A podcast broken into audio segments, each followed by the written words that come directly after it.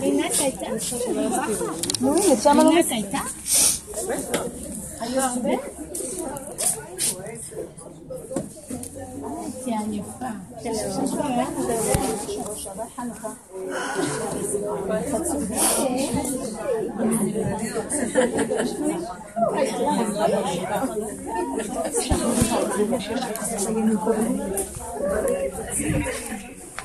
תפילה מברקת בעצימה עכשיו בחדר הלידה, וצריכים להגיד איזה פרק תהילים שבעזרת השם, ברקת בת סימה, בעזרת השם. היא יולדת אה, מבנות ישראל, בעזרת השם, בואו נגיד איזה פרק תהילים לכבודה עכשיו. אה, מה נגיד? יש את המזמור לדוד, למנצח מזמור לדוד, לענך אדוני ביום צרה ישגב לך שם אלוקי יעקב. שלח עזרך מקודש ומציון יסדקנו. תגידו.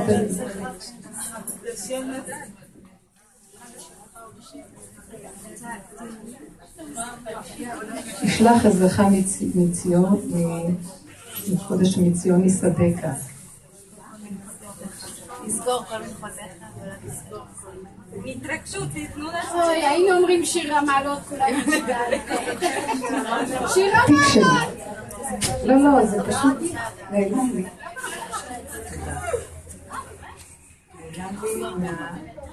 בוא נגיד למנצח מזמור לדוד, יענך אדוני ביום צרה, ישגב השם אלוהי יעקב סלע. שלח עזרך מקודש ומציון יסדקה, אזכור כל מנחותיך ועולתך ידש נסלע. תן לך כלבביך וכל עצתך ימלא. נרננה בישועתך ובשם אלוקינו, אלוהינו לדגול. ימלא אדוני כל משאלותיך, אתה ידעתי כי הושיע אדוני משיחו, יענהו בשמי קודשו, בגבורות יש להאמינו. אלה ברכב ואלה בסוסים, אנחנו בשם אדוני לא נזכיר, המה קראו ונפלו, אנחנו קמנו ונתעודד, אדוני הושיע, המלך יעננו ביום קוראנו.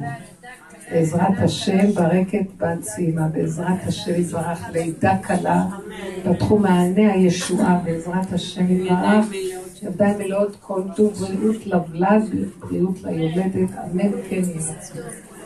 בעזרת השם.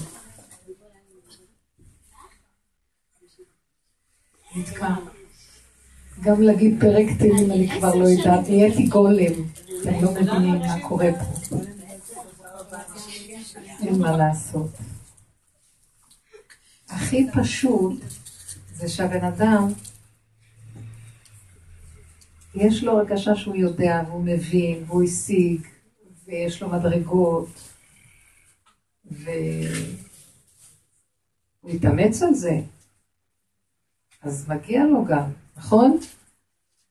בן אדם מתאמץ ללמוד את כל התהילים בעל פה, בן אדם מתאמץ להתפלל, בן אדם מתאמץ לעשות כל מיני מצוות, בן אדם יש לו תחושה שהוא עשה, הוא עושה, והוא יודע. עכשיו, את הבן אדם הזה, השם אומר לו, בוא הנה. אתה יודע, אתה למדת, אתה מבין, אתה עשית, יש לך מדרגה, אז הוא אומר לו, יש מדרגה יותר גדולה מכל המדרגות האלה. אתה מוכן לוותר על כל מה שלמדת וכל מה שעשית, כאילו לא עשית, וכאילו אתה לא יודע, וכאילו אתה לא מבין, וכאילו כלום. מוכן? נו, מה דעתכם? טוב, תראו, אני לא מדברת על בן אדם שאין לו כלום, ומבקשים ממנו לוותר על הכלום שלו. בן אדם שיש לו, והוא לא סתם יש לו, הוא פעל והתעקש, ועבד, והשיג, ולמד, וטרח, והשקיע, ויש לו תחושה שהוא עשה, לא מגיע לו? תגידו, לא מגיע לו שירגיש? אבל זה שאין לו, הכי קשה לוותר לו. עכשיו האחד הזה אומרים לו, עשר. אבל אתה יודע מה, יש עוד מדרגה אחת שאתה צריך להגיע אליה. אתה מוכן לוותר על הכל, ושלא יישאר לך כלום? נבהל מהדבר הזה, לא? כן. למה, למה שלא יישאר לי? אז הוא אומר, הקדוש ברוך הוא אומר לו, בזה שעכשיו אתה מוותר את כל מה שיש לך, עכשיו אתה מוכיח לי שאתה קשור איתי באמת. כי אתה לא עושה את זה בשביל שיהיה לך מדרגה, ושיהיה לך ידע, ושיהיה לך אחיזה, ושיהיה לך כבוד, ושיהיה לך חשיבות. מוכן לתת לי את הכל, והחשיבות תהיה שלי, אני השם, אין עוד מלבדי, זה שלי הכל. אני מחיה, ואני ממית, ואני מסית, ואני מדיח, ואני הכל. מוכן? שאני הכל ואתה כלום? מי אמר לו? מרלן. מי אמר לו? את אומרת לא. שתדעו לכם שזה מה שהשם רוצה לעשות. מה אתה חושב? למה שהוא לא יעשה את זה בהתחלה? בהתחלה הוא גם עשה את זה, נכון? כשאנחנו עמדנו במתן תורה, לקח מאיתנו את כל הכוחות העצמיים, וכל העם אמר נעשה ונשמע. מה שאתה רוצה, מוותר על הכל. אמרו לו, אנחנו מוותרים. על מה היה להם לוותר? הם לא קיבלו תורה, מצוות לא היה להם. עשייה של קדושה לא הייתה להם, איזה חסד, איזה מצוות, לא הייתה תורה. פתאום אמרו, נעשה ונשמע, אנחנו רוצים ללכת אחריך כי אין עוד מלבדיך. אז הוא אמר, תראו, זה מדרגה, אף, אף אחד מאומות העולם לא רצה להגיד נעשה ונשמע. כל אחד אמר, למה שאני אגיד, אני רוצה להבין מה שאני מבין, לא מה שאתה רוצה רק שאני אבין. ועם ישראל אמר, נעשה ונשמע, זה מעלה מאוד גדולה, נכון? אבל במחשבה היותר עמוקה השם אומר, רגע, מה חוכמה להגיד להם לפני שהם עשו משהו? בואו נחכה עד סוף הדורות, אחרי שהם מה לא עשו? מתו על קידוש השם, מתו על התורה, מה לא? מסרו את עצמם למשיסה לבש, שעבוד מלכויות, מה לא עברנו? עכשיו, סוף סוף אנחנו פה, ויש לנו קצת מדרגה, אנחנו הדור האחרון, יש לו קצת משהו, לא? עכשיו הדור האחרון ייתן לי את כל מה שעשו בכל הדורות. כי הדור האחרון וכל הדורות זה אותו דור. אריזל אומר, דור הולך הוא דור בא, והארץ לעולם עומדת. זאת אומרת, שאותו דור שהלך, הוא אומר, זה אותו דור שבא. אין שתי, אולי יש בדילוגים, אבל זה אותן נשמות בווריאציות שונות. גלגולים שונים. אז אמרת שיש סך של 60 ריבו של עם ישראל, נשמות. יש עוד כל מיני, כאילו, מה שנקרא פיצול של אותה נשמה, אז יש יותר אוכלוסין, אבל באמת, זו, זה 60 ריבו, זה הכול, והן חוזרות על הזמן שוב ושוב. אז הוא אומר, הדור האחרון והדור הראשון זה אותו דבר, אבל הדור הראשון לא היה לו מה לתת לי. הדור האחרון יש לו, בואו נראה, תיתנו לי. תנו לי כל מה שיש לכם. תדעו לכם שהגאולה האחרונה תלויה בדבר הזה. את תשמעי את החרפה שיבזו אותך ולא תעני. כי תגידי, מי אני? למה מה? שיגידו, צודקים. תדעו לכם, זה ביזיון בשבילי עכשיו לעמוד פה ולפרק כ' של התהילים. כל תינוק יודע להגיד את זה בעל פה, אני לא יודעת להגיד את זה בעל פה. מה נהיה פה? מה, זה לא ביזיון שאני רוצה להגיד את התהילים ואני התחלתי ככה בשוויץ? חבר'ה, תגידו תהילים פרק כ', לא צריך ספר, לא צריך כלום, אני מתחילה לגלגל ונתקע לי על השון, לא יודעת להגיד מילה. אתם חושבים שזה קל? אתם חושבים שזה אני? זה בורא עולם סגר לי את הפה. ככה זה. עכשיו יש לי קצת ביזיון, אז הוא אומר לי, כן, אני רוצה שלא יהיה לכם לא כבוד, לא חשיבות, לא כלום. כל החשיבות לכם תמות, רק אני חי וקיים. מוכנים? תנסו רק לגרד את האצבע של מישהו כאן ותראו. כל אחד יענה לשני. לא, אנחנו אבל שיעור אחר. כי מנתניה תצא הגאולה. כי כאן כבר התאמנו, נו. אבל הבנתם את היסוד הזה? עכשיו, צריך להתאמן על זה. כל היום אני מתהלכת, אני מבינה מה דוד המלך אמר, חרפה שברה ליבי.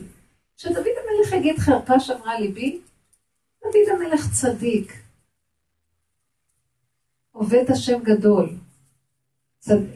תלמיד חכם, אה, עושה מלחמות השם, מלך בישראל, חסיד, מה שאתם רק רוצים. בסוף הוא אומר, חרפה שברה ליבי. אני כל היום מתהלך וליבי מלא חרפות. מה זה חרפות? אני מתבייש במציאות שלי. למה מה? למה הוא מתבייש?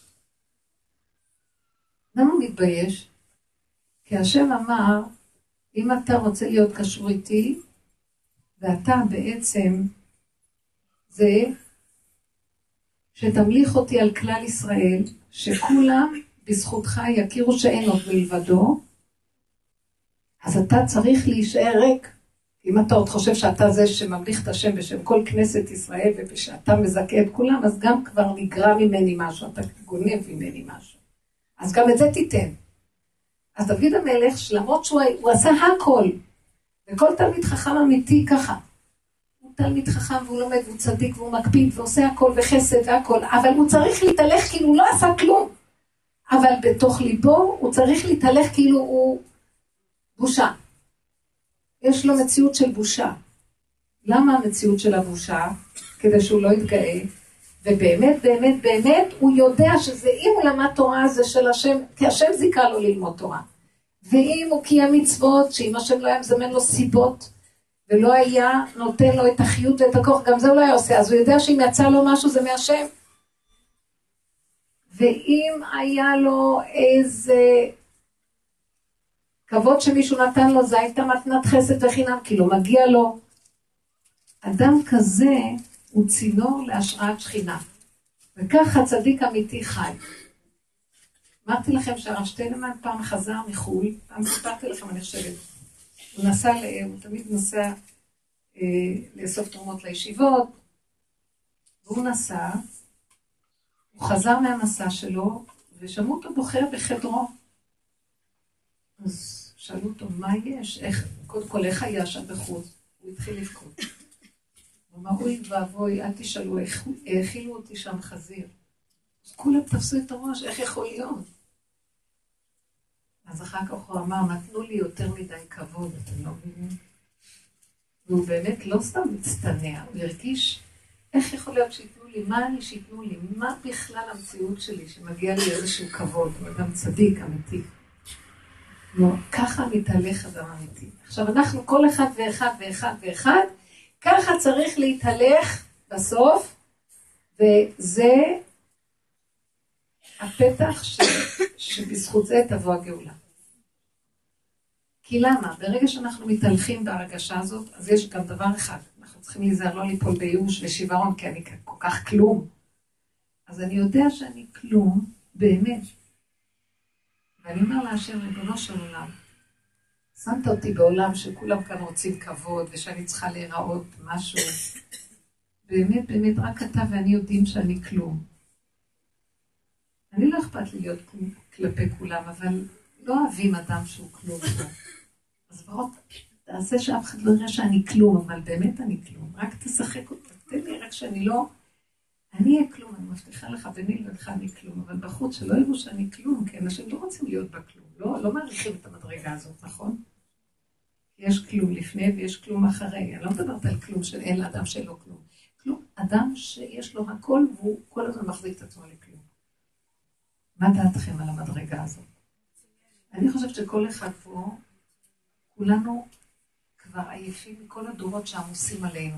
אפילו ילדים קטנים שנולדים הם עייפים היום. והם מלאים מהכל, בגלל זה הם עייפים, כי כבר שום דבר אין חידוש כבר. אז האנשים האלה כבר לא חשודים שהם ריקים באמת. לא. הדור האחרון, הוא מחזיק עליו את כל הדורות. אנחנו הכי זקנים, עייפים. זקנים זה מלשון זה שקנה חוכמה. אבל רק דבר אחד, אנחנו צריכים להתאמן, להסכים שאין לנו כבר כוח, את כל החוכמה הגדולה, ניתן את זה להשם, ונשאר ריקים אליו, ולא נבזה את האנשים שלא נראים כאילו חשובים, כי גם הם אולי מסרו את הכל להשם. אנחנו נעריך את הקטנות, נעריך את ההכנעה, נעריך את השפלות, נעריך את הפשטות וההתמעטות. אין לנו כבר כוח לגאווה המסריחה שיש בעולם. כל אחד חושב שיש לו איזה משהו, הוא מתגאה על השני. זה היסוד שאין אין אהבת חינם בגלל זה, ומשיח לא יכול לבוא עד שיהיו כולם ראש באדמה ויש שפלות. ואהבה שאינה תלויה בדבר. כי אחי, מי אני שאני בכלל אגיד לך משהו? ככה אתה תגיד לי גם, וזה מביא משיח, הבנתם? בואו ניקח את הבתים שלנו. תגידי לבעלך, אחי, מי אני בכלל? אני אגיד לה, או, אמרתי לך את זה מזמן, כבר כלום. איזה יפה זה, איזה יפה זה, כן. כן.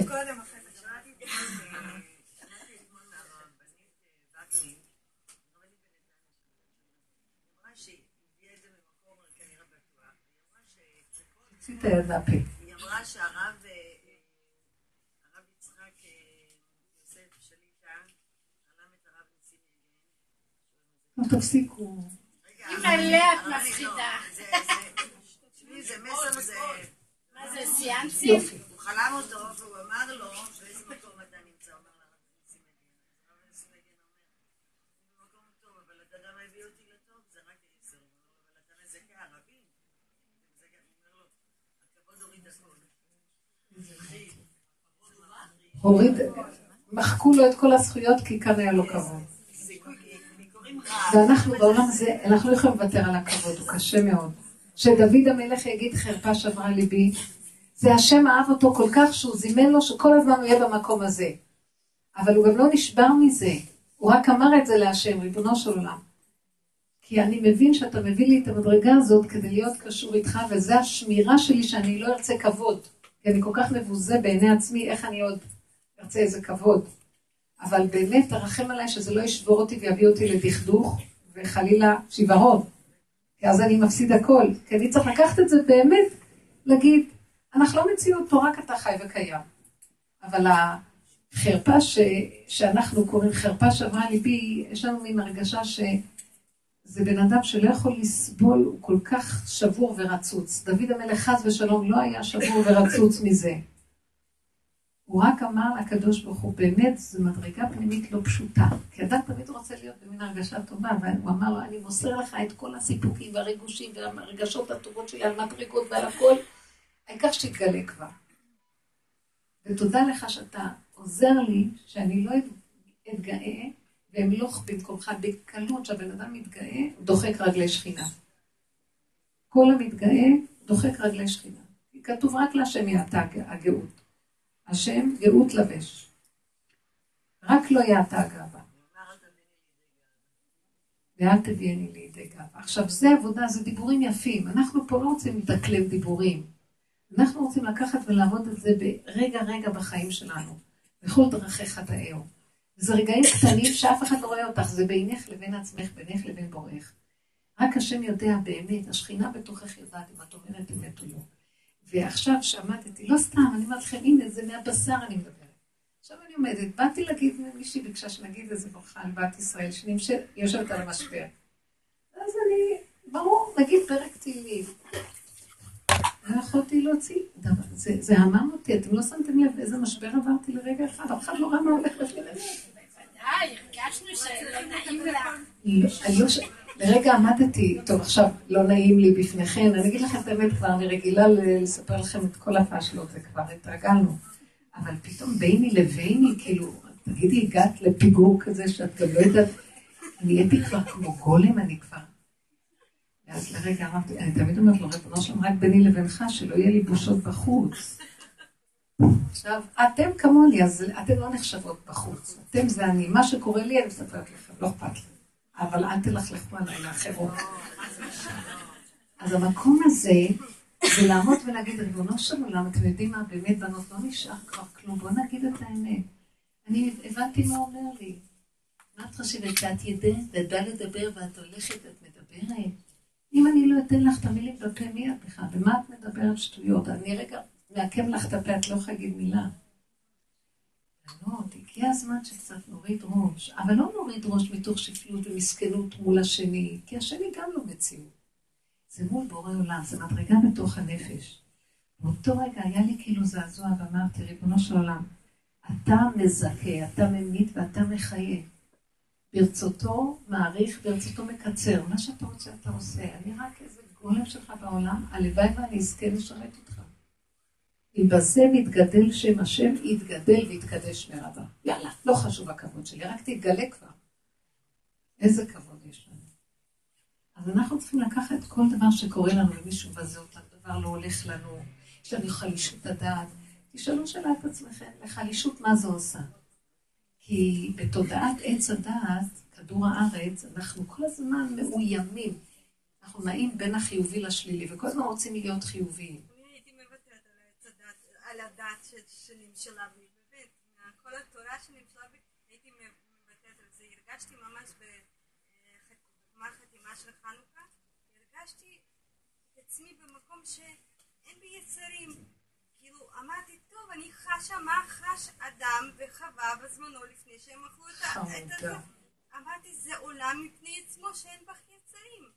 ואז אמרתי, ריבונו של עולם, מה עכשיו הבאת לי את ה- את הדת הזאת? מאיפה, איך אני עכשיו מתמודדת עם זה? אוקיי. הייתי בשמחה ו- וזורקת את השכל. מצד אחד יש לנו השגחה באמת, והדת הזה פירות מאוד סביבתיים וטובים שלא הכרתי עד אז, אבל מצד שני, יש לנו להיות באיזון ולדעת מי באמת הבורא עולם ושלא לקפוץ מעל הגובה של השמיים. זה מאוד קשה. כי העץ הדת היא לא נותנת. למה? תבינו, התפיסה הטבעית שלנו, מאחר ואכלנו מעץ הדת, תמיד אנחנו רוצים להגיע למדרגות גבוהות, וייתם כאלוקים, זה היסוד של האכילה. אם תאכלו מעץ הדת, תהיו כמו אלוקים. עכשיו, זה דמיון מאוד גדול. מאיפה הנחש יודע מה זה אלוקי בכלל? שהוא יגיד, אם תאכלו אז תהיו כמוהו. אף בן אדם לא יודע מה זה אלוקים. גם לא, שום יצור נברא לא יודע מה זה אלוקים. כי אם היצור ידע מה זה האלוקים, אז הוא כבר לא צריך את האלוקים, הוא בעצמו האלוקים, נכון? אז זה סתם דמיון. לכן כל עבודתנו להבין שאנחנו מדומיינים, אנחנו חושבים שהאלוקים כנראה הוא חיובי, אז אנחנו צריכים להיות חיוביים. מה אתה חושב? אם אני עובדת איזה, איזה אלוקים שהוא חיובי, אז זה מה שאני מנסה להיות כמוהו חיובית. אני רוצה להגיד לכם, זה חצי כפירה. אם אני אהיה חיובית, אז אני והאלוקים אותו דבר. תמיד האלוקים יהיה אלוקים ואני רק אדם. החיוביות של הבן אדם היא לא כמו החיוביות של האלוקים. אנחנו לא יכולים להבין מה זה אלוקים והחיוביות שלו. מפי עליון לא תצא הרעות והטוב, כתוב במגילת איכה. החיוביות, החיוביות של הבורא היא לא מה שאנחנו חושבים, אבל יש חיוביות של הטבע, של העולם, של כן ולא, של עץ הדת, של החיים. אז ברור שאנחנו רוצים להיות במסגרת העולם יותר טובים מאשר רעים, בזכות שהתורה אומרת לנו גם כן, בתוך, בתוך העולם יש טוב ויש רע. אז אנחנו, התורה נותנת לנו גדרים בעולם. סור מרע ועשה טוב, כדי שלא נקלקל בעולם ונוכל לחיות בעולם ו- ו- ולא נהרוג אחד את השני ונהיה כאן בני אדם של צורה. אבל חוץ מזה, להידמות לאלוקים, החיוביות שלו היא בכלל לא מתחילה להגיע לתודעה שלנו מה זה. אז אם כן, בואו נהיה בני אדם של צורה, ונדע שתמיד, לעולם אין לנו השגה מה זה האלוקות, ולא לחפש. אז זה מביא לאדם קצת שפלות, מזה שהוא חושב, הוא השיג איזה מדרגה, הוא השיג איזה משהו. הוא חושב שהוא השיג, זה בשביל התודעה של כדור הארץ, כי בין זה ובין זה, זה השיג יותר וזה השיג פחות, יש עולם יחסי. בינו לבין הבורא יכול להגיד, השגתי משהו, אדם יכול להגיד להשם, אני השגתי משהו, עוד מעט אני קרוב אליך? בעולם זה אין סוף, אי אפשר להכיל, אי אפשר להשיג, אי אפשר כלום. תכלית הידיעה שלא נדע. כמה שאדם למד, הוא לא יודע כלום מה שהוא התחיל בכלל. אז אם כן, מה שקשור בינינו לבין העולם יכול להיות מדרגות. מה שקשור בינינו לבין העולם, אין כזה דבר. זאת אומרת שאם אני רוצה להיות קשור עם השם, אז אני צריך מאוד מאוד לדעת שהקשר האמיתי שלי עם בורא עולם זה לא, זה לא כן, זה לא. אני לא, לא אני כן. חוץ מזה שהתורה מצווה אותי להיות יהודי של צורה, יש מצוות, יש מעשים שאני צריך לעשות, יש קיום הנחות, כי אני חייב פה בעולם, זה קודם כל עוזר לי מאוד, זה גודר לנו את הגוף ואת היצר הרע שבתוכנו, שלא יתפשט ויכול להזיק לעולם ויזיק לשני. לא תרצח, לא תגנוב, לא תנאף, כל מה שמסתעף מזה. אבל אחרי שאני אעשה את כל זה, אני אגיד לקדוש ברוך הוא, תראה מי אני. נראה לי, יגיד לי, בוא אני אראה לך מי את. הנה, זהו, נראה לי עכשיו מי אני. תראה השם, אני באה לתת שיעור. אני אראה לך מי כאן מדבר, יכול להגיד מילה. אז מה אני רוצה לומר? הבן אדם צריך להיות מאוד מאוד מתוחכם. אנחנו מקיימים את התורה ואת המצוות, כי השם ציווה אותנו. חוץ מזה, לא בשביל להשיג מדרגה, לא בשביל להיות משהו, לא בשביל ביני לבינו, אני יותר ממנו, כי זה מה שאחר כך מרחיק אותי מהקשר שלי עם בורא עולם. כי אם אני יותר ממנו, אז אני כבר קרוב אליך. השם לא סובל את זה. השם רוצה אחדות, אהבת חינם. חוץ מזה אתה חייב לקיים את כל המצוות, ואתה חייב גם להיות צדיק. כי זה סתם לטובה שתהיה צדיק ולא רשע. אבל לא בזה אתה מתקרב לכלום. אתם תופסות מה אני אומרת בכלל? אני רוצה לשאול אתכם, זו דרגת חשיבה עמוקה מאוד ואמיתית מאוד, והגיע הזמן שנתבגר. כי תמיד אומרים לנו, לא, אתם עותק, ואם אתם לא הייתם עושים מצוות, אז כל העולם לא היה קיים, ואם אתם לא הייתם זה, כאילו לעודד אותנו, אל תפסיקו. כל היום אומרים לנו, אתה ילד טוב, קח עוד פרס, אתה מה שלא היית עושה. הגיע הזמן שנעמוד ונגיד, מספיק כבר שיתלקקו עלינו, מספיק כבר שהתרבות, כל הזמן אנחנו מתנהגת אלינו כמו ילדים מפגרים, לא בוגרים. אתם יודעים מה? אתם אין עליכם. אני הייתי מחנכת את התרבות העולמית עכשיו, אומרת להם, עוד לא התחלתם, אין דפוקים יותר מכם. כולנו הכי דפוקים. חוץ מזה, אין לך רשות לא לקיים הכי טוב את הכל. רק שתדע שכשזה מגיע לאמת, עוד לא התחלת כלום.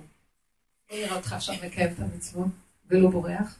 מה החוכמה שנותנים לך פרסים וכל היום מפתחים לך את האגו שאתה הכי צדיק בעולם? לא כלום. אתה תעשה מה שמצווה עליך, כי אנחנו בנים של השם. ואנחנו צריכים בגרות נפשית. כי למה? ברגע שמטפחים כל הזמן את האגו הצדיק, בחוץ משהו לא יסתדר לבן אדם הזה, עוזב את כל המצוות ובורח. הגיע הזמן שבכל הבתי ספר, בכל המקומות, ילמדו את הילדים להיות אנשים בוגרים. אין לנו ברירה, כפה עלינו הר כגיגית, אנחנו יהודים, לא יכולים להיות משהו אחר. אם היינו ככה מלמדים מההתחלה את הילדים, לא היו בורחים מהיהדות. אין לנו ברירה, אין לנו משהו יותר טוב. הכל שם, תלכו תראו מה הולך בחוץ. אז אנחנו צריכים להגיד תודה שזכינו, שאנחנו העם שלו. אשרי חלקנו. ברוך אלוק, ברכו אלוקינו שבראנו לכבודו. הבדילנו מן הטועים. ונתן לנו תורת אמת. וחיי עולם נתן בתוכנו. חוץ מזה, שלא נתגאה ונחשוב שאנחנו יותר ממשהו. מה דעתכם? זאת המדרגה הנדרשת. עכשיו, אישה מתחתנת עם בעל, הוא גם יכול להרגיז. אני מרגיזה אותו. אם הוא תופס ואומר, היא ניתנה לי כדי לעבוד על הנקודה שהתורה ציוותה אותי לשאת אישה ולהוליד ילדים. וזו מסגרת טובה גם לבן אדם, שהוא גודר אותו, שלא יהיה סתם ברחובות כל היום ועשה שטויות. אבל אני לא יכול לבוא בטענות לשני ולדרוש מהשני, כי זו מסגרת שמחייבת אותי שאני אעבוד איתה, אעשה כל מה שמוטל עליי, ואם משהו מתנהג לא בסדר, אז אני עדיין צריך לנגוע בנקודה ששייכת לי, אבל מה זה קשור לשני?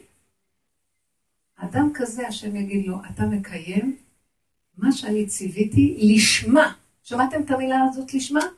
לשמה פירושו של דבר לשם שמיים אמיתי, כי אני ציוויתי, אתה קרוב אצלי. לא, אני יותר ואני זה, ותראה אותו, הוא לא מספיק ככה, אז אתה תראה, השם, אני קרוב.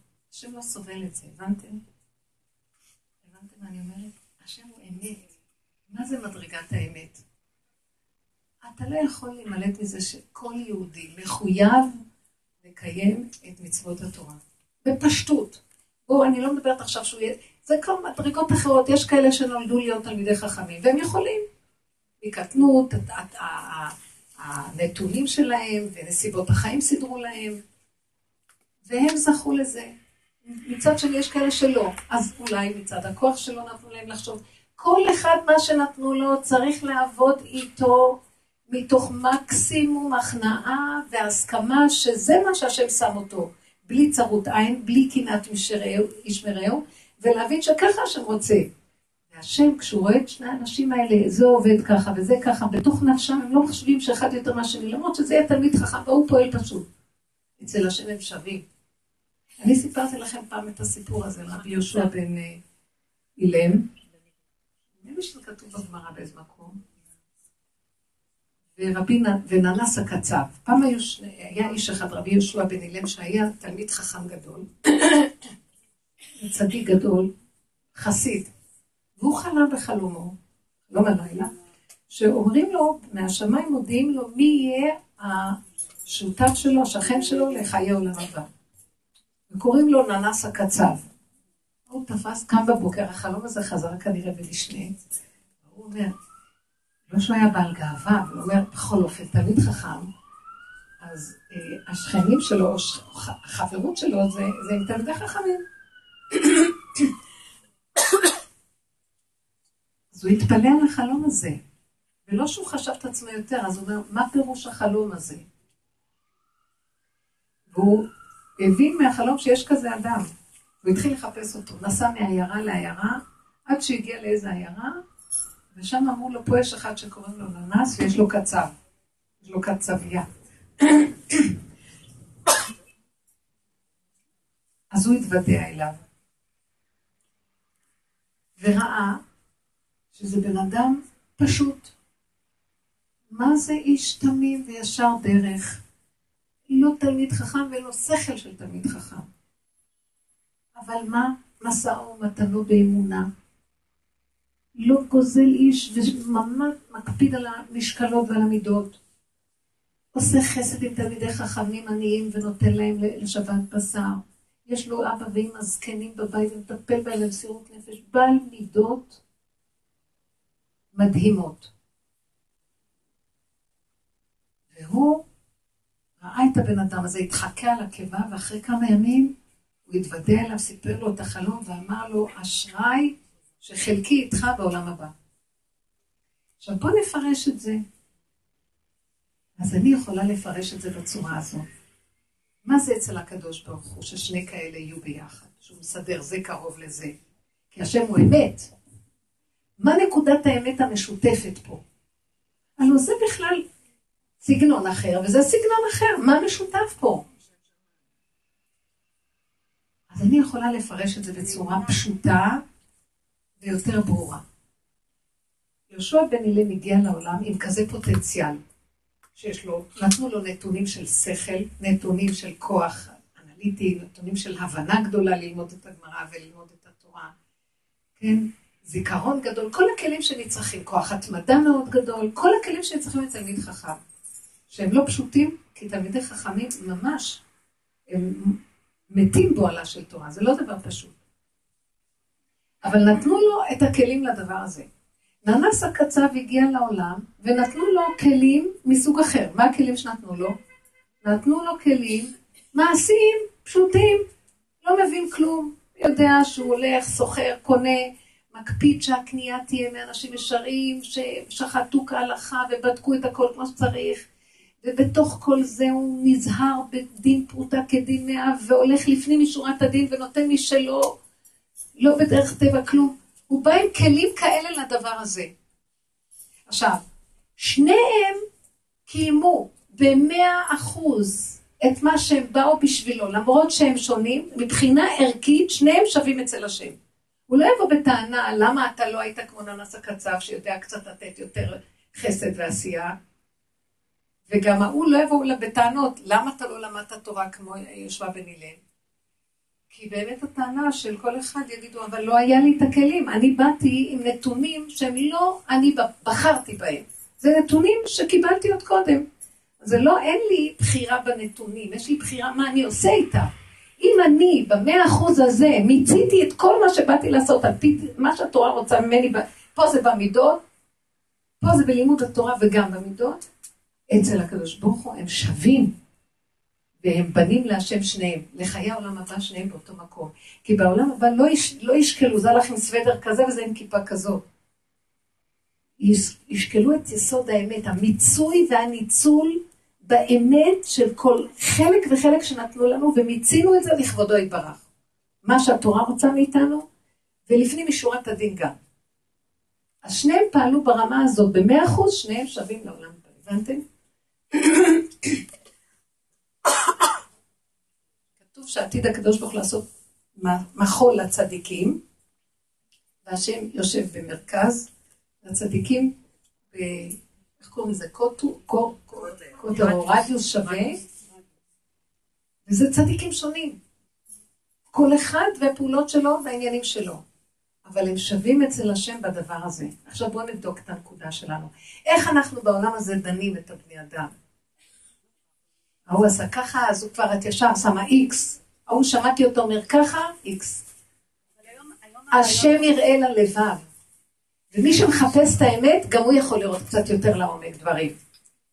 הרמב"ן אומר שהבן אדם צריך לעשות בתוכו בית דין קטן, וכל הזמן לבדוק את יסוד עצמו. וזה מה שאנחנו אומרים. מה שאת רואה בחוץ, זה הסיבה זה מראה, זה המקל, שהשם רוצה להראות לך נקודה בתוכך. אל תלכי לשבר את המראה ואת המקל, תודי שאם יש משהו שמפריע לך, ואת באת תכף להוציא איזה לשון הרע, איזה ביקורת את זה על השני, תעצרי ותגידי, רגע, אבל למה מראים לי את הדבר הזה? ולא רק שמראים לי, גם יש לי איזה ריגוש ואכפתיות בעניין, סימן שיש לי שייכות לדבר, והמילה אכפתיות זה מלשון כפייתיות.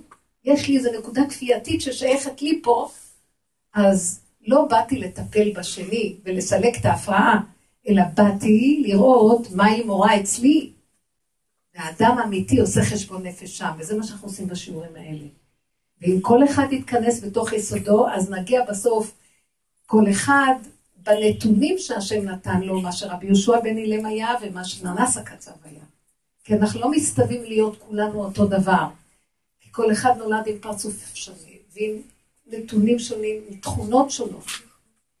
ואנחנו לא יכולים, זה דור טיפש של חקיינות מזעזעת, כי הכל מוחצן.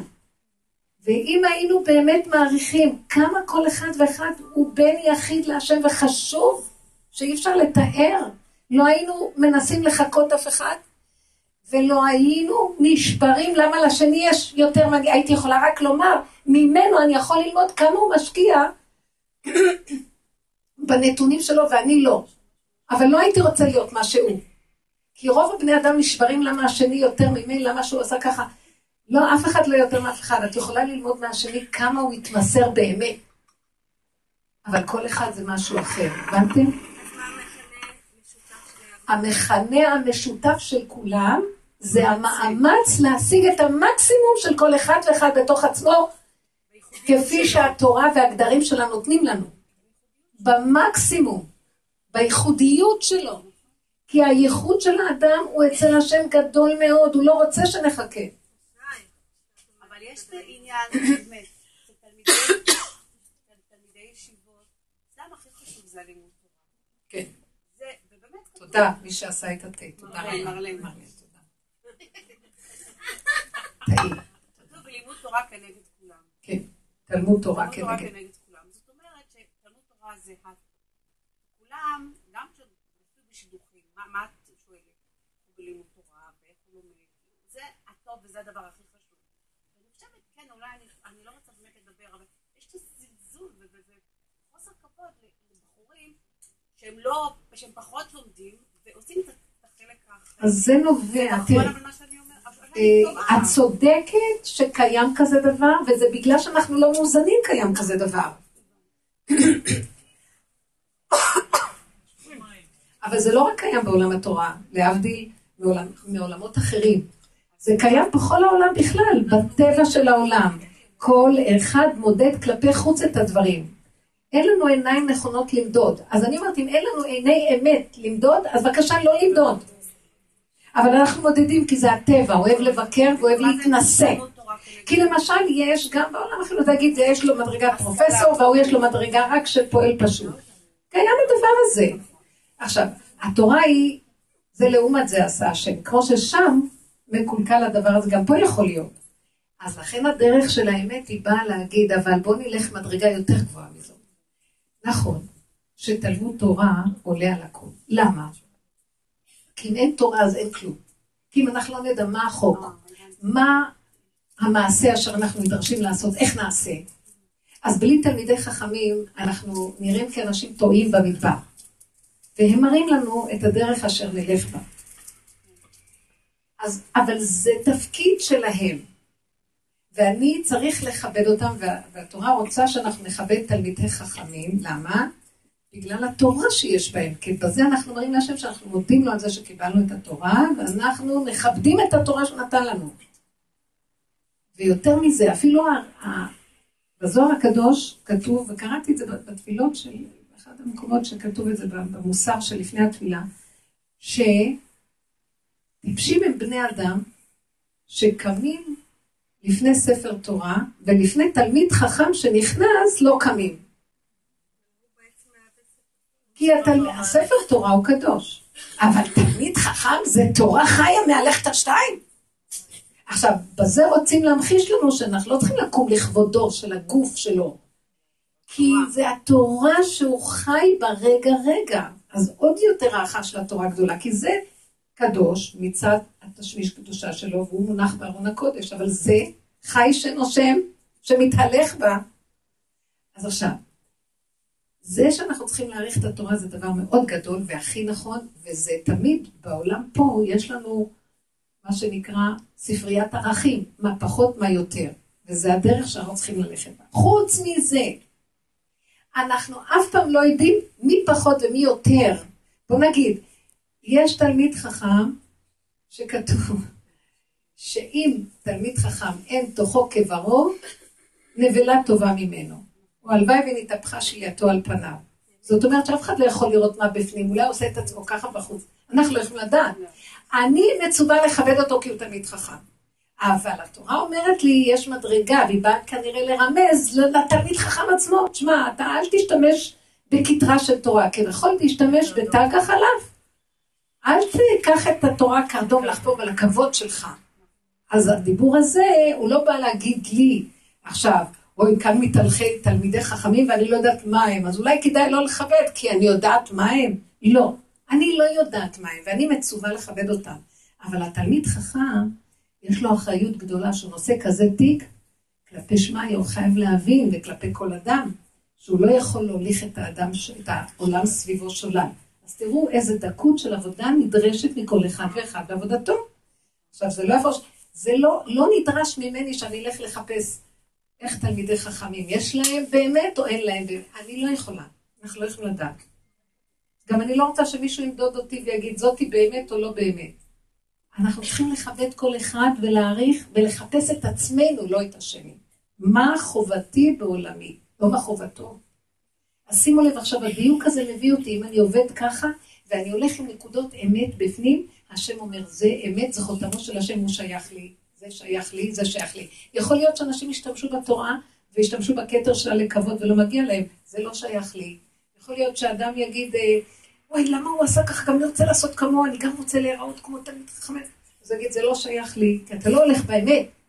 אתה לא מחפש נקודת אמת. הדבר הזה של הדיוק במידות וההתבוננות הפנימית זה הסוף. משיח תלוי בדבר הזה, כי משיח חותמו אמת. משיח זה אמת. כי אזור אמת, כתוב על אליהו הנביא שהוא איש אמת. אליהו יבוא לבשר על הגאולה שלושה ימים לפני משיח. זאת אומרת, הוא יכין אותנו איך לעשות תשובה להגיע לאמת. ואז אנחנו צריכים ללמוד בדרך האמת. ובערך, נראה לי, זה מה שאנחנו עושים פה בעצם. שאנחנו לא יכולים לדון אף אחד, אבל אנחנו יכולים להסתכל על עצמנו. ואם קורה לנו משהו שלא בסדר, אנחנו צריכים להיזהר, לא להישבר ולהבין שהשם אוהב אותנו ורוצה ושואף להביא אותנו לנקודת האמת המקסימלית של עצמנו. אז טוב לי כי הונאתי למען אלמד חוקיך. וזו הייתה מדרגת דוד המלך. שהוא היה חוטף ביזיונות והיה מבין שזה לטובתו, ושבאמת כלפי חוץ, איך רואים אותו, אפילו לא חשוב, כי העיקר מתקיים. שהוא תפס מזה את הנקודה שלו, עשה תשובה והתחבר להשם. וכשהוא הלך ככה בסוף, גם כל העולם הכיר שדוד המלך חי וקיים והוא צדיק אמיתי. אז הכבוד בו יבוא, אבל אני לא מחפש אותו. עכשיו אני רוצה מכם שתגידו לי, כן.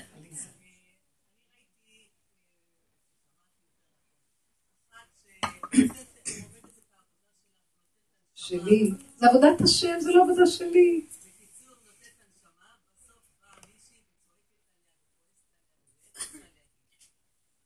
כנראה שזו את, אה? חמודה. איך היא צריכה להרגיש שם? מישהי צועקת עליה. באמת, אני אגיד לכם, כנראה שהיא עשתה את עבודת השם כל כך טוב, שהשם כל כך אוהב אותה, והוא אמר לה, את יודעת, לשם הפרס המקסימלי, אני אתן לך עוד איזה פליק. למה? שלא תתגאי ושלא יגנבו לך את המדרגה שלך. ככה, אבל אנחנו אומרים ככה, ריבונו של עולם, בבקשה, אל תביאי לידי ניסיון ולא לידי ביזיון ולא לידי כאבים. אני, מה שאתה רוצה תעשה, אני רק אומרת לו, תן לי זריקת הרדמה, בבקשה ממך. ריבונו של עולם, אתה רוצה שאני לא אגיע, למה אתה צריך להביא לי פליק? תעשה ככה, תן לזה, יש משהו שמרדים קצת, לא הרבה. ככה שאני לא אכפת לי בכלל.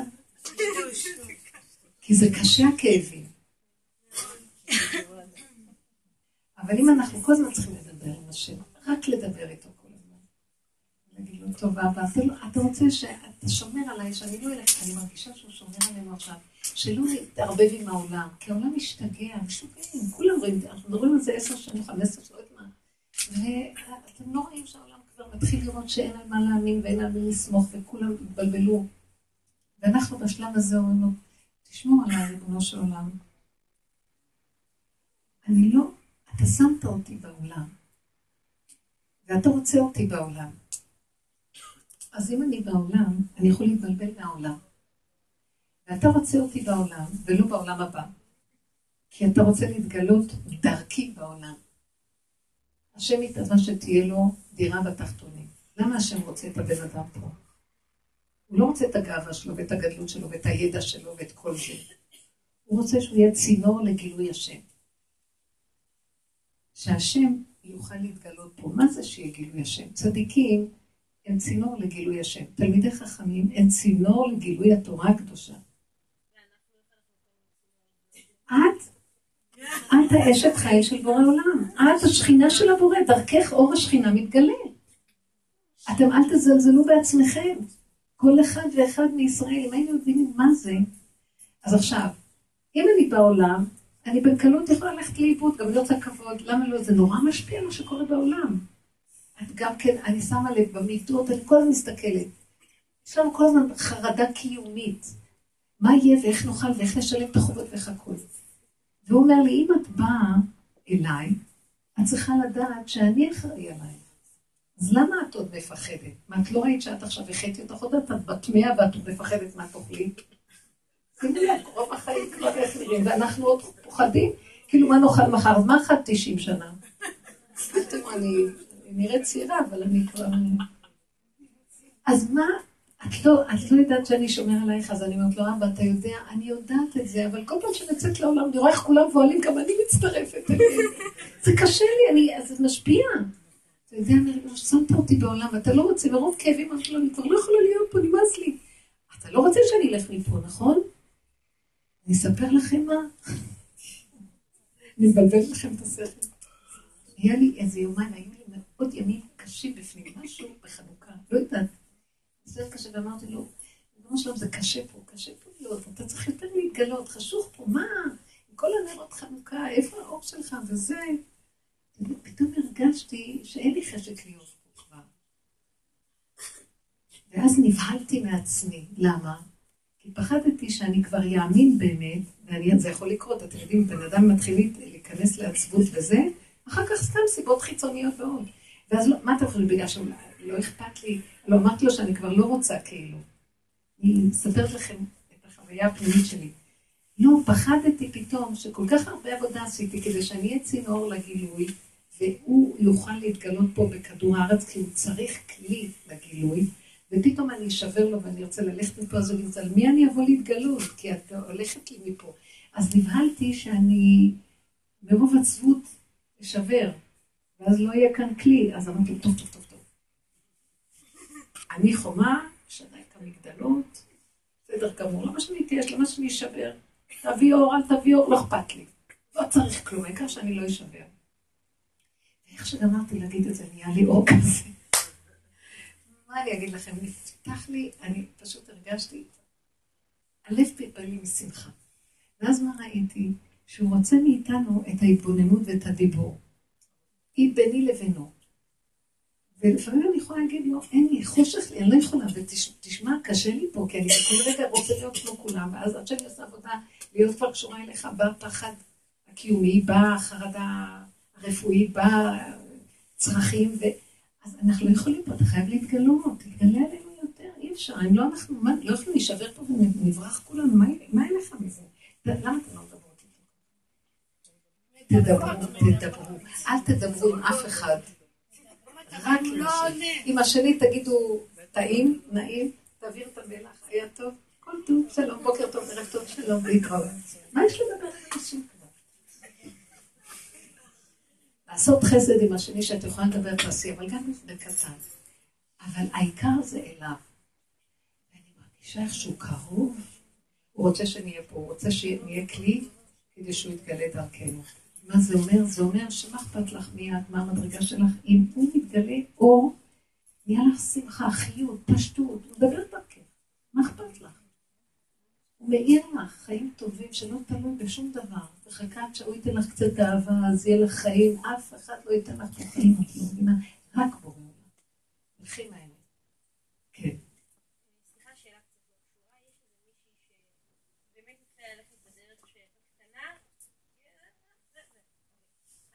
לא ושאלה הלכה לאיזה אירוע, והיא שאלה אותי אה, לבעלה יש יום הולדת, והיא לא כל כך סובלת אותו. היא אמרה, אבל בכל זאת, אני אתקע לו... איזה חיים עלובים. היא אמרה, אני אתקע לו איזה עוגה שם, אני אצא על ידי חובה. אמרתי לה, תקשיבי, את גאון, זה בדיוק הדרך של הרבנית, גם לא יותר מדי... אה, לא, כי... כאילו עודדת אותה שהיא לא, תמשיך. לשנוא אותו. לא, לא, יש לה איזה... לא, יש לה איזה תיקון, היא כל הזמן רוצה לרצות, אז אמרתי, יופי, עצם זה שאת אה, כאילו יפה, קטן, וזה טוב.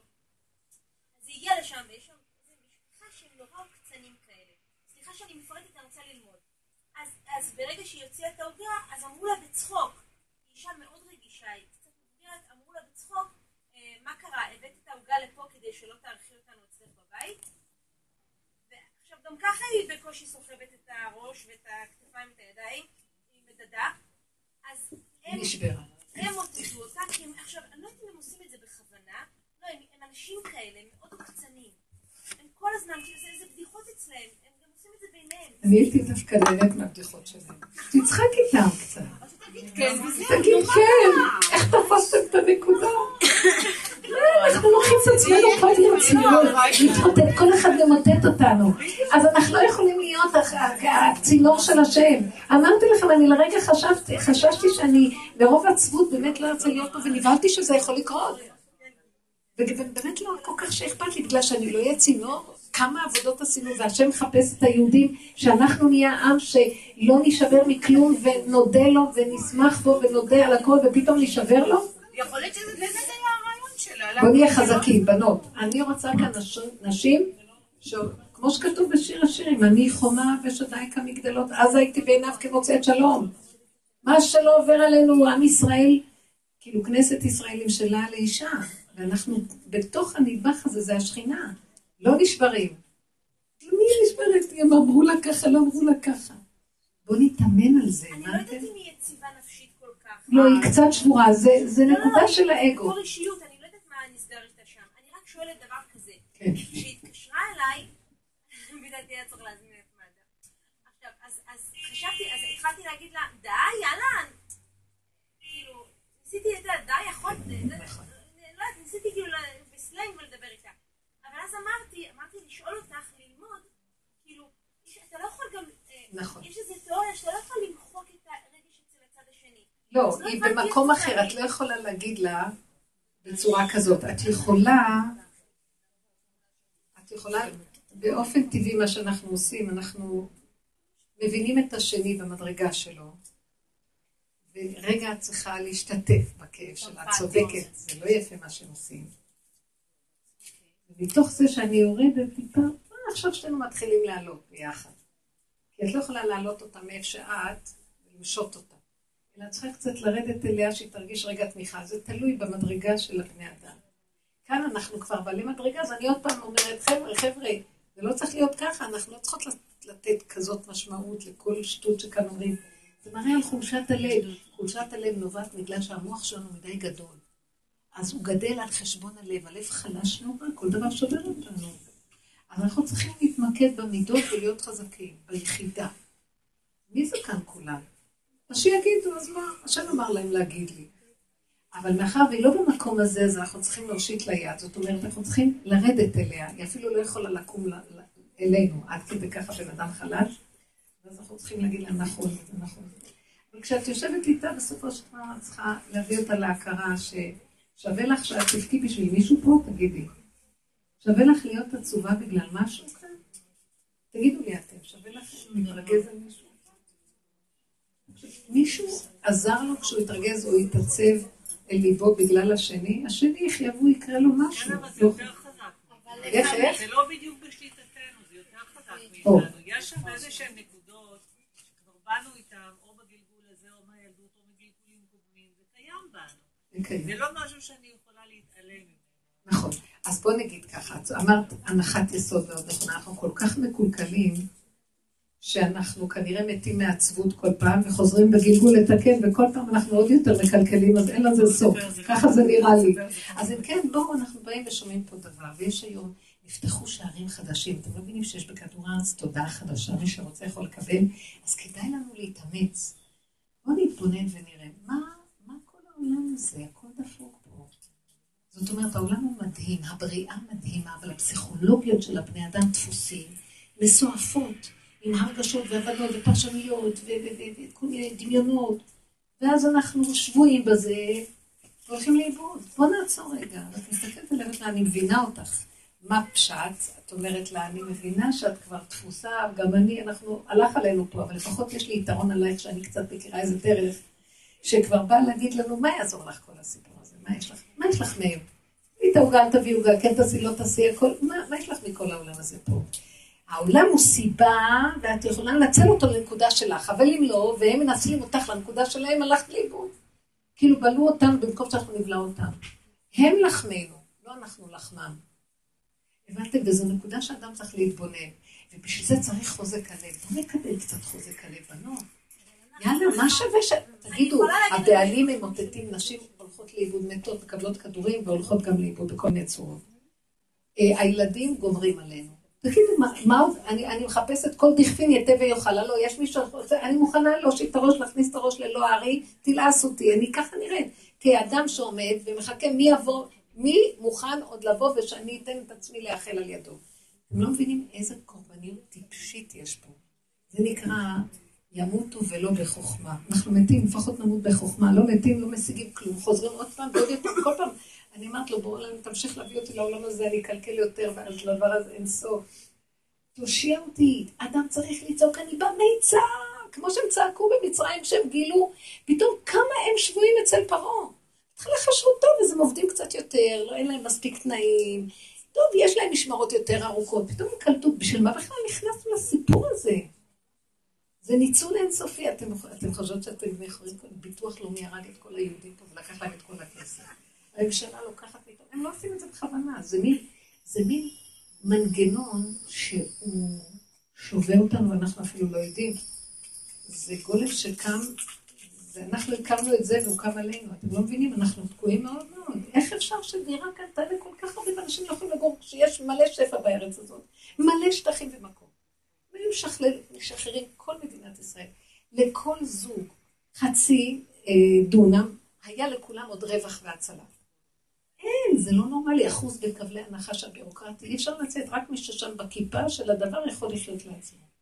אני הייתי בטוחה שאחרי שכך לא נבחר, שכל הדירות עכשיו יופשרו והכל יהיה. הוא נכנס לשם, וכנראה יש שם איזה רוח כזאת, שהוא רצה לעזור, אבל מי שנכנס לשם, לא יושב על הכיסא ונרדם, ולא, קורה לו משהו שם, בכלל לא יודע איפה הוא בכלל.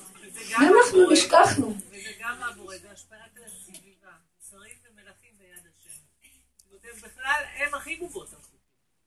עכשיו, אם הם נכנסים למקום הזה, זה לא בדיוק, אני לא יודעת להגיד לכם, זה כבר מנגנון שאני לא יודעת איפה השגחה, זה הם תחת שליטת הטבע החזק. אז אנחנו צריכים לבקש מהשם. יותר טוב לנו להיות אנשים פשוטים שעומדים מחוץ למנגנון, משתדלים לא להיות שייכים לו, כתוב בפרקי אבות, אל תתוודע לרשות. אם אפשר, שיורידו את השם שלנו מהמחשבים של המדינה, היה הכי טוב. מה יש לכם? כמה גשם יש פה? מה חסר שאנחנו צריכים לשלם ככה הרבה מים? הכל כאן טוב, לא חשוב מה, אני שיתפסו אותי, עוד יכולים לשים אותי עם ה... יש היום סכנה כבר, את לא יודעת אם זו דמוקרטיה או מה. אבל הם לא עושים את זה בכוונה. הם לא עושים את זה בכוונה. הם בסדר גמור, תראו, אני אגיד לכם את האמת, אנשים נהדרים, אבל זה קורה להם שם. אני הייתי מצידי אומרת להם, צאו משם כבר. אני הייתי יותר טוב אם הייתי יושבת על הכיסא במקומכם. מה אני אגיד לכם? אז טוב שאנחנו יהודים, שומרי תורה ומצוות, שגם בתוך זה אנחנו צריכים להיזהר מאוד מאוד, לא ללכת לאיבוד בתוך המנגנון הקהילתי שלפעמים גם כן איבד את הצורה, והכל כבר הלך לאיבוד. בואו נלך, אין לנו לאן לברוח, נברח להשם. אליך נמלטו אבותינו, בך בטחו ולא בושו, אין לי לאן ללכת, אבא. אם אתה עוד תסגור לי את השערים, אז לאן אני אלך? אתה חייב לפתוח לי, תצעקו עד שיפתחו השערים. כתוב ככה בהרמח"ל, וזה כתוב בספרים הקדושים. שכשהיה בית המקדש קיים, אז שערי בית המקדש למטה כנגדם היה שערי בית המקדש העליון. ואז התפילות היו עוברים דרך השערים. כשחרב בית המקדש ננעלו השערים, נסגרו הדלתות, ננעלו השערים, חרבו שעריה, ונפתחו חלונות. בגלות גם החלונות נסגרו, אבל נשארו חרכים, מציץ מן החרכים. לקראת הסוף גם החרכים ייסגרו. ביום ההוא אסתר אסתר יהיה מצב, ביום ההוא הכוונה במצב הזה של הסוף, יהיה הסתרה, לא יהיה, עכשיו, והיו שמך ברזל. כלום, סגור. מה אתם חושבים מאז? פחד, פחדים, אבל אתם יודעים מה? בהסתרה שבהסתרה הוא נמצא, אבל הוא כבר לא נמצא שם, שמיים. אני מגלה שהוא נמצא בפנים, בבשר. השכינה שוכן בתוכנו. איך? אני אומרת, מה הוא סגר את השערים? מה זה? אז אני מבינה שהמוח מבלבל אותי, אני אומרת לעצמי, מה את מתבלבלת? את נושמת? סימן שאת חיה, מה את רוצה עוד? מי נושם דרכך? מי זה נושם? את נושמת? מה פתאום? יש כאן מנגנון שמנשים אותך, זה חיות. אז הוא בתוכך, עכשיו אני חיה. זה דמיונות, אנחנו נשברים מהדמיונות. בואו נדבר עם השם, בפשטות. תלכו על שאלות גדולות, והמחשבות, למה הוא ככה, לא ככה, עשית לי ככה, לא עשית, אני רוצה ככה. תרדו בפשטות של החיים. תדברו עם השם, מה שנשאר לי זה הנשימה והפה, תדעו לכם בפיך ובלבבך לעשותו, זה כבר לא בשמיים ולא בעבר לים, לא בארץ רחוקה ולא בכלום. הבן אדם חייב להידבר עם השם. מתי הוא מתחיל את הדיבור האמיתי כשיש לו מצוקה? מאיפה באה מצוקה? מהמוח. המוח אומר לו ככה, הוא אומר לו ככה, וככה וככה. זה הדואליות של העולם. אני אומרת, תעצרו את המצוקה, תגיד, אבל שם, אני לא רוצה להיכנס שם, להיכנס שם, אני בסכנה, אנשים נכנסים, נתפסים בסכנה, רוחות רעות, ונשברים מכל דבר. ואם אנחנו יורדים, אומרים, אני לא רוצה מצוקה הבאה, תעטוף אותי, צומח אותי, תן לי אותי, ילדה קטנה שלך. אתה מנשים אותי, צומח אותי, תן לי להיות איתך. אני מבינה שאתה עוצר אותי במשהו, זה אתה כי אתה אוהב אותי, אתה שומר עליי. תודה. איך אומר דוד המלך? כי לא הילכתי בגדולות ובנפלאות ממני. אם לא שיוויתי ודוממתי נפשי, כגמול עלי אמו, כגמול עלי נפשי, אני כמו תינוק אצלך. הוא כבר, הפנים שלו היה מול בורא עולם. כאילו, אני מולכם בעולם. כאילו, הוא היה כבר עם הגב לעולם, ועם הפנים שלו לבורא עולם. יודעים, זה חיים אחרים. לא חשבונות רבים, לא קשקושים, כי כל אחד בעולם מת מכאבים, זה אותו, כי אומר לו ככה והוא חושב. יש פחדים מהקיום, ויש, יש כעס על הילדים, ויש חרדות על הילדים, ויש דאגות מזה. אפשר למות.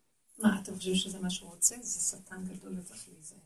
זה נקרא שנסגרו כבר הברזים הטבעיים, עכשיו צריך רק לעשן. עכשיו אני אספר לכם איזה חלום שהיה לי פעם, שאני, זה היה בתקופה של מצוקה מאוד גדולה, שהיה לי אז את המוסד וסגרתי אותו, והיו לי המון אה, קשיים, ביקורות שבאו, הייתה עמותת חינוך גדולה, וביקורות היו באים אליי חדשות לבקרים, הכל מאת השם. ודיני תורה וכל מיני דברים. הייתי במצוקה פנימית, ומה שלא הייתי עושה, לסדר, למחרת כאילו לא עשיתי כלום, הבירוקרטיה גמרה עליי, זה לא נורמלי מה שהיה. אה, חלמתי בחלומי שאני עומדת מול קיר, שזה היה נראה כותל, ואני מתפללת. והקיר הזה ארוך, ואני עומדת קרוב מאוד לקיר, אולי ב-40 סנטימטר. ופתאום אני מסובבת את הפנים, ואני רואה תהום מזעזעת מתחתיי. אני בקצה של 40 סנטימטר, העקבים שלי כבר נוגעים בתהום, ותנועה אחת קטנה אני נופלת לתהום. איזה חרדה חזה לי בחלום. ואני נצמדת לקיר וצועקת, אין לי לאן ללכת. ואני צועקת להשם, אין לי לאן ללכת, הצילו. תנועה הכי קטנה, אני נופלת לתהום. לאן אני אלך? זה מין קו ישר, כל הקיר, ואין לאן ללכת. הצעקה הייתה נוראית, שאני חושבת שאולי צעקתי באמת. ואז פתאום מזווית העין, כאילו מראים לי איזה נתיב שלא ראיתי אותו בכלל, ולא יכול להיות שיש שם נתיב כזה, איך להימלט. רק ראיתי את זה, וככה התעוררתי. ואז ראיתי שזו התמונה, שאז שהייתי במצב הנפשי שלי, וזו התמונה של הסוף. אנחנו נצעק, מה שלא נעשה, אנחנו בסכנה עולמית. הצעקה תוליד דבר אחד, אנחנו צריכים להגיע לצעקה שאין לי לאן ללכת, אין לי ארץ אחרת, אין לי אפשרות אחרת, אין לי, עשינו הכל. והכל תקוע. זה כמו יולדת. ואתה חייב לפתוח לי, כי אין לי איפה. מה יעשה לך המת? היותך עפר יגיד עמיתך? מה יעזור לך הייאוש והדיכאון והחידלון? תרחם עליך, כי אני כלי שלך להתגלות. הלוא כל הגאולה צריכה את הבן אדם, כי אם אין בן אדם, על מה הוא ישרה את שכינתו על העצים והאבנים? כולם ימותו פה, לא על מי להתגלות. אז הצעקה היא אמיתית. אני אומרת לכם, הוא פותח לנו נתיב עית לא ידעו. משהו חדש, את לא לוקחת בחשבון איך ישועה ממקום שאת לא יודעת.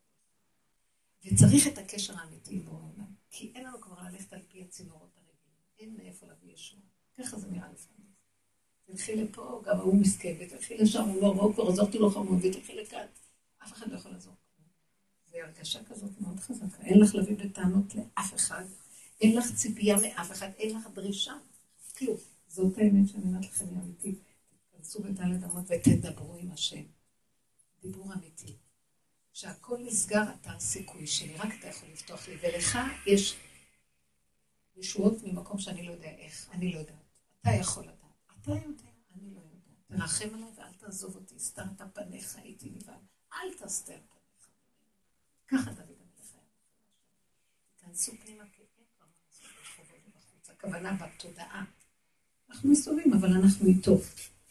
זה המקום יציל אותנו מהסערה, מהייאוש, מהחידלון. אל תאמינו למוח. מוח שקרן, והוא מבקש להבידנו. הוא מבקש. זה מכניס את האנשים למצוקות, כי זה המחול האחרון שלו, והוא הולך להפיל חללים. אז זה ראש למטה, ואלה בורא עולם נשימה והפה, זה מה שנשאר. השם לא יעזור אותנו, הוא כל כך אוהב אותנו. אין לו כלה יותר יפה מאיתנו. אפילו שאנחנו כבר 3,500 שנה כבר גוררים רגל עם מצמצים מים קרחת כבר איזה כלה. אבל אין לו אף אומה, לא כלה יפה.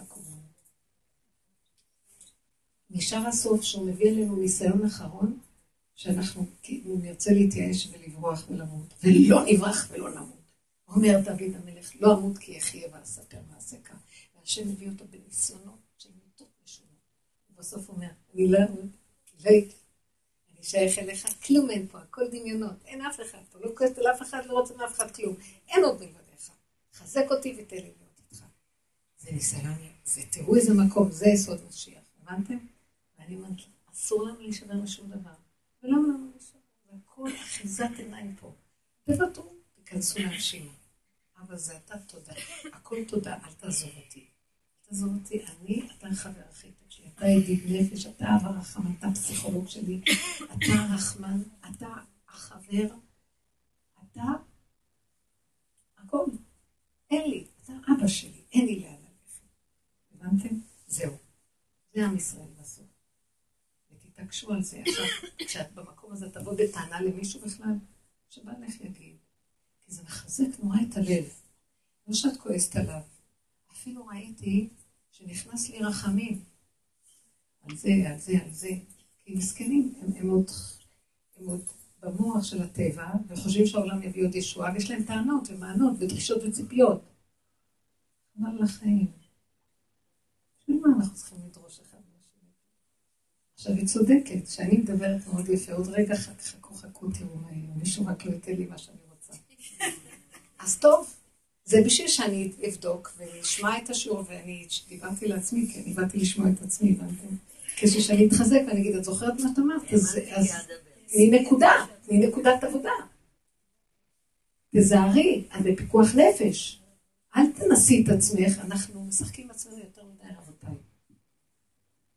נאה דורש, נאה מקיים. שמעתם? תעבדו, תעבדו, כי אף אחד לא יעזור. רק את תעזרי לעצמך, השם איתך. השכינה בתוכך. תעזרי לעצמך. הבנתם את הקוד שלי? ונגיד לו תודה על הכל, כי מה יש פה כלום? מה, אתם רוצות עוד משהו? מה אני יכולה עוד אלך החוצה ומישהו רק יעז לנגוע בי, אני אראה לו מי הוא, מי אני בכלל. כל היום זה ככה, וזה מתוק. אנחנו אוהבים אותו, אבא, אנחנו אוהבים אותך, תתגלה לנו ברחמים. תדעו לכם, כל אחד שהולך ככה הוא כבר שרור. אני מבטיחה לכם מלא כבוד. אני הייתי השבוע, נכון היה ביום שני, מה היה שם ביום שני? חזרתי מרחובות מהשיעור, והייתי במקום שהיה פיגוע בירושלים שם, איפה שהגשר מיתרי, ועמדתי שם, עמדתי, ממש באתי ללכת לתחנה, אמרתי לו, כדאי לך לקחת מכיוון אחר את הקו, כי יותר מהיר אחרי דקה אני שומעת סירנות, עניינים, היו שם, אמרתי, בן אדם, רגע אחד, אנחנו שייכים אליך. השם ישמור על כולנו, אמן. שמירה עליונה, תודה. עם ישראל חי וקיים. תודה יקרות שלי, תודה רבה לך.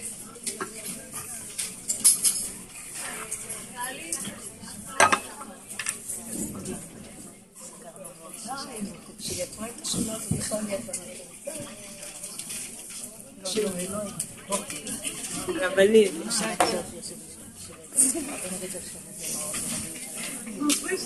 Σαν το ποινί. Καλό.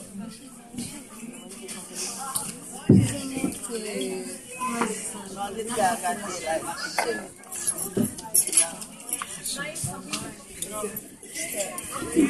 לא ביררת, את לא ביררת. התגעגעתי אלייך המון. כנראה שאני לא צריכה, אבל אני כן חושבת שאני... כן.